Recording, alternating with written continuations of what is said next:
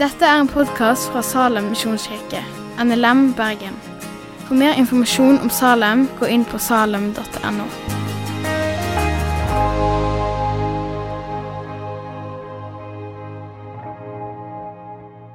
Kjære Gud, takk for at hver bok i Skriften er innblåst av det, og at det er nyttig til opplæring, til tilrettevisning, til veiledning og til oppdragelse i rettferd.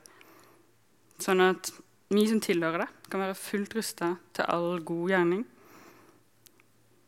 Vil du jobbe med din ånd i våre hjerter, så det er det som kan være tilfellet i kveld når vi snakker om denne teksten om Noah som kanskje først og fremst er en tekst om det.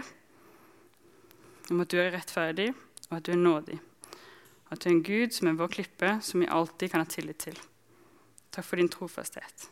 Du komme med din ånd og lede det jeg skal si? Og la ditt ord bli det som er igjen i hjertene våre, og alt annet bare falle dødt til bakken. Må du åpne hjertene våre og lede. Så ber jeg om at vi må eh, lede etter talen eh, og ut i uka. Eh, dette skal være til liv for oss og til noe som kan prege hverdagen vår til det bedre. Jeg legger alltid i dine hender, Gud. Amen. Det har vært sykt vanskelig å forberede denne talen. Um, fordi det er veldig mange tanker og assosiasjoner som jeg har. Og kanskje enda mer enn til teksten så har jeg tanker om dere. Hva dere vil tenke om uh, ja, teksten, eller hva dere vil tenke om um, ulike ting. Uh, og jeg syns det er vanskelig, fordi i samfunnet så er det mye Jeg hører ofte folk snakke på en måte som gjør at jeg lurer på hvor mye de egentlig leser i Bibelen, eller hvor mye de leser og prøver å forstå. Um, og så syns jeg ofte vi ikke snakker godt om ting sammen.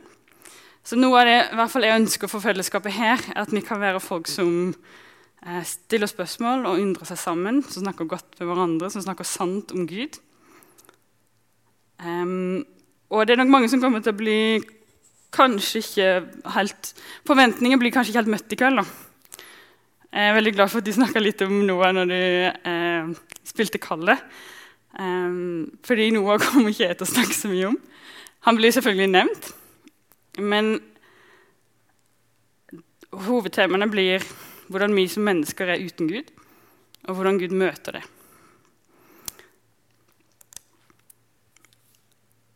Storflommen som Gud sender, og arken som blir redningen, en illustrasjon på evangeliet. Og Da må vi ha litt forforståelse og litt kontekst. Fordi Sist tale var om skapelsen. Og det er det vi å begynne for å forstå denne teksten. tror jeg. Fordi vi har en Gud som har skapt en god verden. For mennesker og for alt annet han har skapt. Hvor de kan leve i frihet, i fred og i denne vakre harmonien. Jeg bare tenker liksom bli skapt inn i en frukthage, og du kan bare gå og spise alt mulig rart. Det virker så herlig. Eh, og det er så godt. Men så kommer det et punkt hvor menneskene ikke velger fellesskapet med Gud. Eh, de velger vekk Gud, og det har konsekvenser. De skader verden og hverandre. Jorda blir full av vold, ødeleggelse og ondskap. Det er i denne konteksten historien om Noah kommer. Og jeg tror denne ondskapen er noe vi kjenner i dag. Det var ikke bare på Noas tid at ting ikke var som det burde være. Så hva gjør en god gud i møte med en ond verden? Veldig mye av talen i dag kommer til å handle om dette. Og jeg vil dele det inn i tre punkt. Det er en god gud eh, som ser en ond verden. Så han ser noe. Vi skal gå inn på hva han ser. Og vi skal gå inn på en føler. Og hva Gud gjør med det til slutt. Fordi det Gud ser, det er at menneskenes ondskap var stor på jorda. Fordi alt de ville og planla i sitt hjerte, det var ondt dagen lang.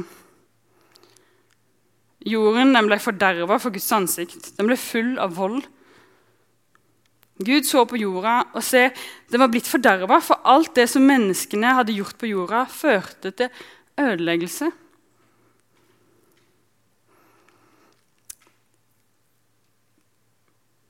De lever liv borte fra Gud og uten tanke for Gud. Jesus sier faktisk dette um, i Matteus at i tida før storflommen så spiste og drakk de, de gifta seg og gifta bort, helt til den dagen Noah gikk inn i arken. Det bare levde livet sine. Og det skjønte ingenting før flommen kom og tok det alle. Og Så sier han at det skal være sånn når menneskesønnen kommer. Og når Jesus kommer igjen, skal det være samme greia. Folk lever sine liv uten tanke for Gud. Borte fra Gud. Så Det Gud så, det var forferdelig, og det var hjerteskjærende. Og det var det totalt motsatte av det han sjøl hadde skapt og lagt til rette for. La meg illustrere litt med å gå gjennom hvordan det egentlig var. Gud hadde skapt det. I begynnelsen så hadde han skapt en verden full av liv, full av lys, full av orden, fred, vekst, glede, trygghet, frihet, godhet og helhet. Vi hadde det godt. Godt med Gud, godt med hverandre, godt med jorda og godt med oss sjøl. Kan, kan, vi la Guds smerte bli vår litt?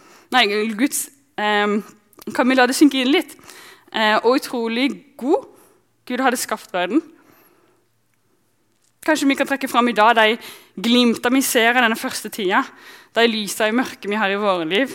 Den nytrakta kaffen, den drøsen med venner du halser over på sofaen, den spennende samtalen, det du har laga helt sjøl, eh, som har en praktisk funksjon for deg. Vi kjenner mye på glede, og vi kjenner hele tida glimt. Vi ser glimt av det som var. Vi kjenner òg på at det er mye vi skulle ønske var annerledes i dag.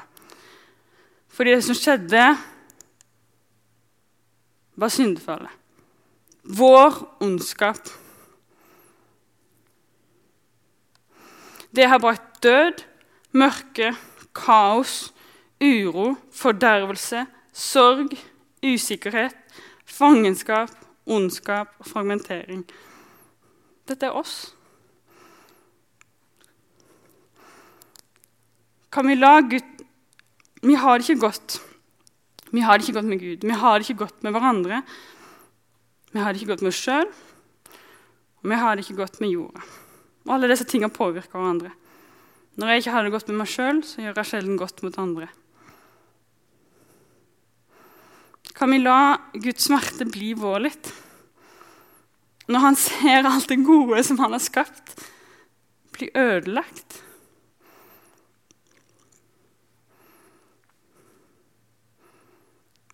Det er dette som er tilstanden når Gud ser på jorda. Den var full av ondskap. Alt det det tenkte ut, som det er det gode grunner for, som makt Kanskje ikke så god grunn, men en gyldig grunn for mange likevel. Fordi en trenger jo makt for å kunne gjøre sånn og sånn. Og så finner man på unnskyldninger, men det fører til ondskap. Når jeg tar en titt gjennom min klesgarderobe, så er det ikke så veldig mange klesplagger jeg kan si henne kommer fra. Og jeg har kanskje ikke lyst til å vite det heller. Eller tanken på hva det krever for å lage mobiltelefon. Hvordan det ødelegger jord og vilkår for mennesker som må jobbe med det. Jeg kan ikke si at dette gjelder alle andre. Vi er en del av problemet.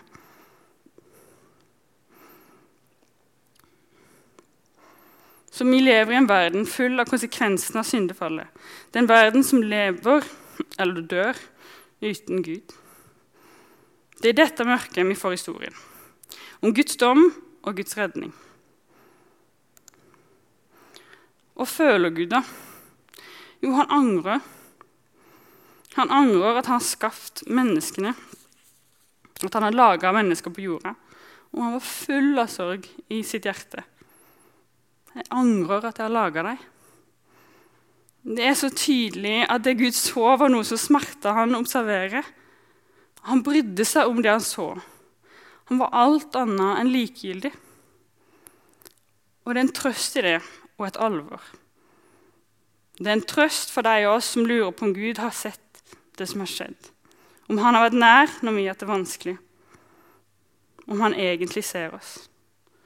Og så et alvor fordi han faktisk ser oss, alle oss som er skyldige.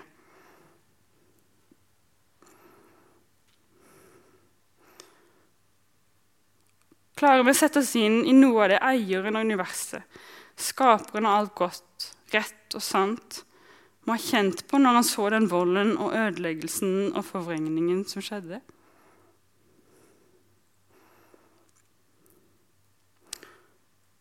Og så gjør Gud noe som stemmer med hans karakter. Det er ikke en spontan ting pga. følelsene, men det samsvarer med karakteren han har. Og han gjør tre ting. Det første han gjør, er at han dømmer. Herren sa, 'Jeg vil utslette menneskene som er skapt fra jorden.' Alt fra mennesker til fe, kryp og fuglene i himmelen, for jeg angrer at jeg har laga deg. Jeg vil gjøre ende på alt kjøtt og blod, for jorden er blitt full av vold på grunn av deg. Og se, jeg vil ødelegge deg sammen med jorda. Jeg skal nå la storflommen komme over jorda og ødelegge alt kjøtt og blod. Alt som det er livsåndig under himmelen, alt som er på jorda, skal omkomme. Gud dømmer. Han er rettferdig. Han har allerede venta med å straffe. Det har rukket og blitt fullt av ondskap. Hver gang Gud straffer og ødelegger, så har han en god grunn for det. Og han har vært overbærende. Fordi Gud han er nådig og barmhjertig. Han er sein til vrede og rik på miskunn. En plass for eksempel, så er det nevnt at det skal komme en dommens dag. Men etterpå så kommer det et nådens år. Dette viser Guds rettferdighet og kjærlighet på samme tid.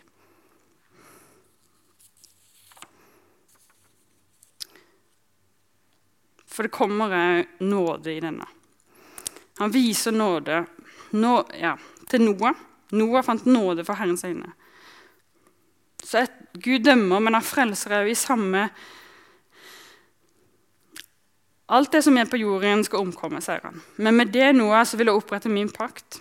Du skal gå inn i arken, du og dine sønner og din kone og dine svigerdøtre sammen med deg. Av alt levende, alt kjøtt og blod, skal du føre to av hvert slag inn i arken, så de berger livet sammen med deg. Gud handler òg til redning. Han er nådig.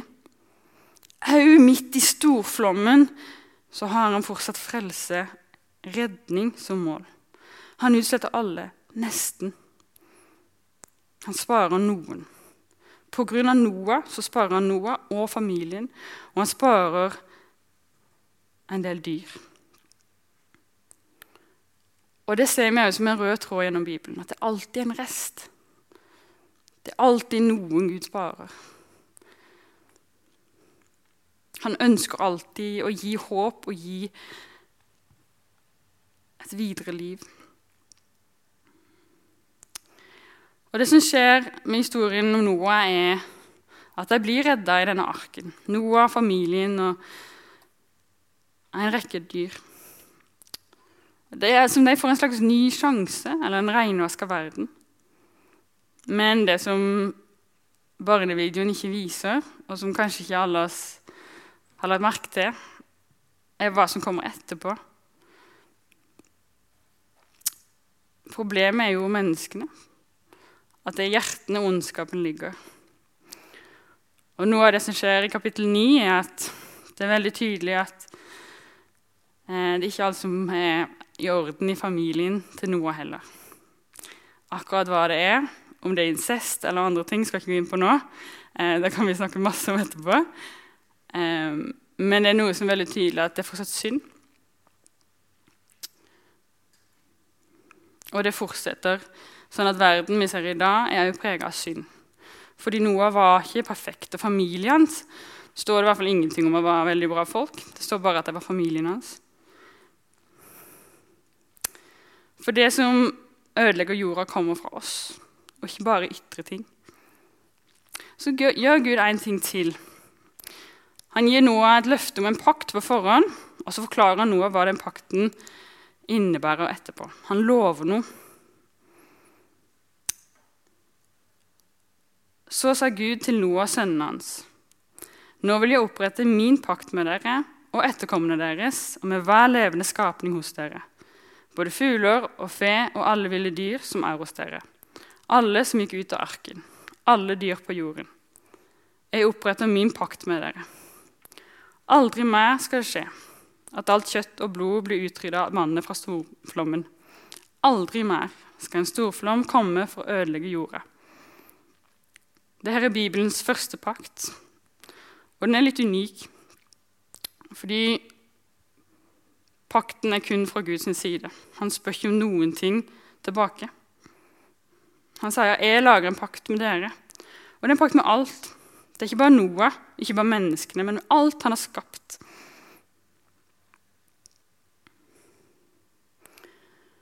Og det viser Guds åpne armer. Gud han er sterk, han er villig, han er mild.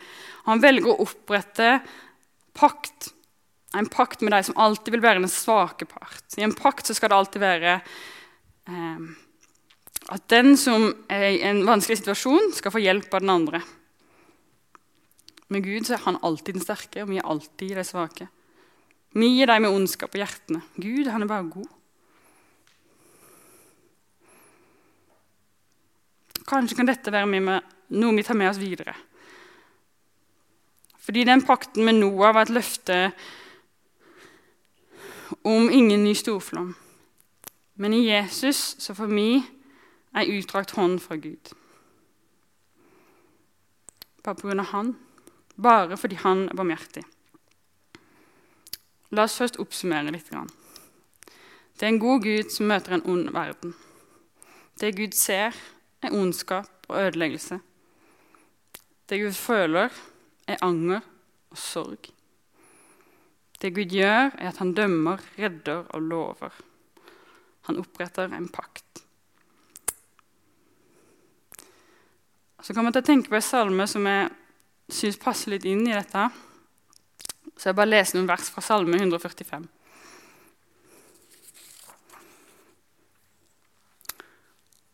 Herren er nådig og barmhjertig, sein til vrede og rik på miskunn.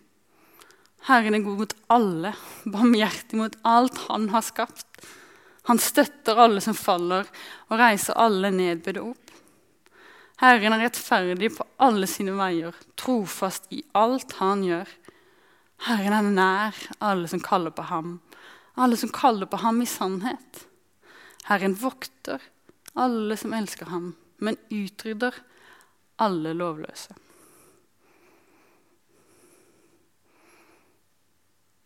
Jeg syns no, historien om Noah, om arken, viser disse tingene.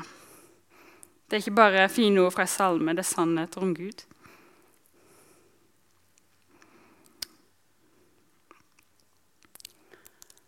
Men jeg skal snakke litt om noe. Um, fordi han, er, han og arken illustrerer et større og bedre poeng. Han peker framover mot Jesus. Noah er som en frelsesfigur. En, og så kommer Jesus, og så er han selve frelseren. Noah var en redningsmann i sin tid.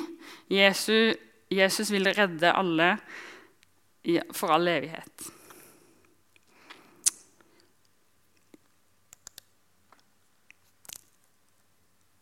Noah han var i en verden full av ødeleggelse. Jesus han kom frivillig til en verden full av ødeleggelse. Noah han var rettferdig, han fant nåde. Jesus var rettferdig, han ga nåde. Noah var en figur i storflommen. Det var da den dommen kom. Men Jesus er en som skal stå i den endelige dommen. Og Noah han kunne finne tilflukt i arken og han var beskytta mot vannet og straffen. Og familien kunne komme med han pga. hans rettferdighet. Og vi kan finne tilflukt i Jesus og bli beskytta mot vreden og straffen. Vi kan være folk som pga. Jesus får lov til å få rom i frelsen. i den store redningen. Noah han ofra dyr etter flommen. Eh, Jesus han ofra seg sjøl i dommen.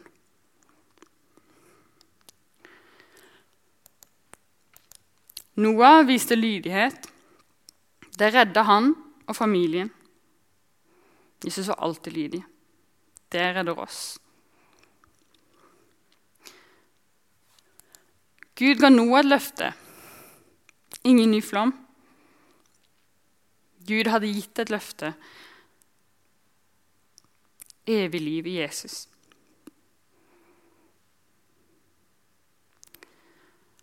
Og historien om Noah, om arken, et bilde på en midlertidig eller en delvis frelse.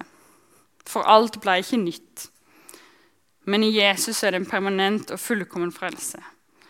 Hvor våre harde hjerter kan bli bytta ut med hjerter som er varme og myke. Vi kan få lov til å bli vaska reine i Jesus.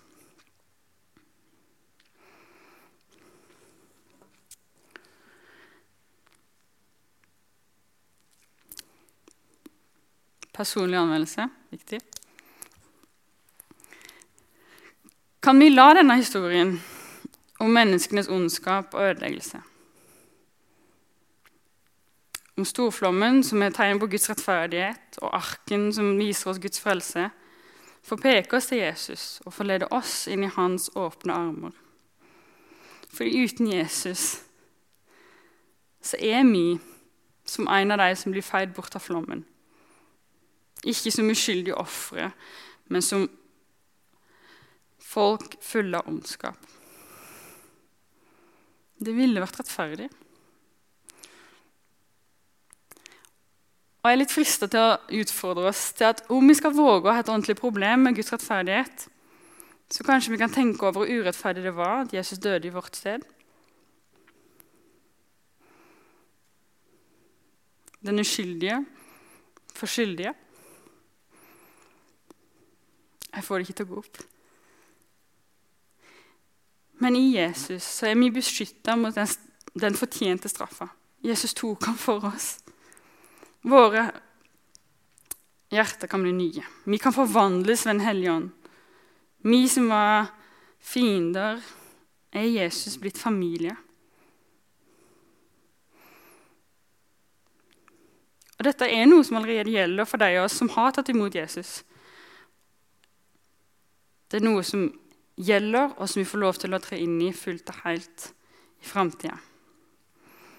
Når det ikke kommer en ny flom, men når det blir skapt en ny himmel og en ny jord.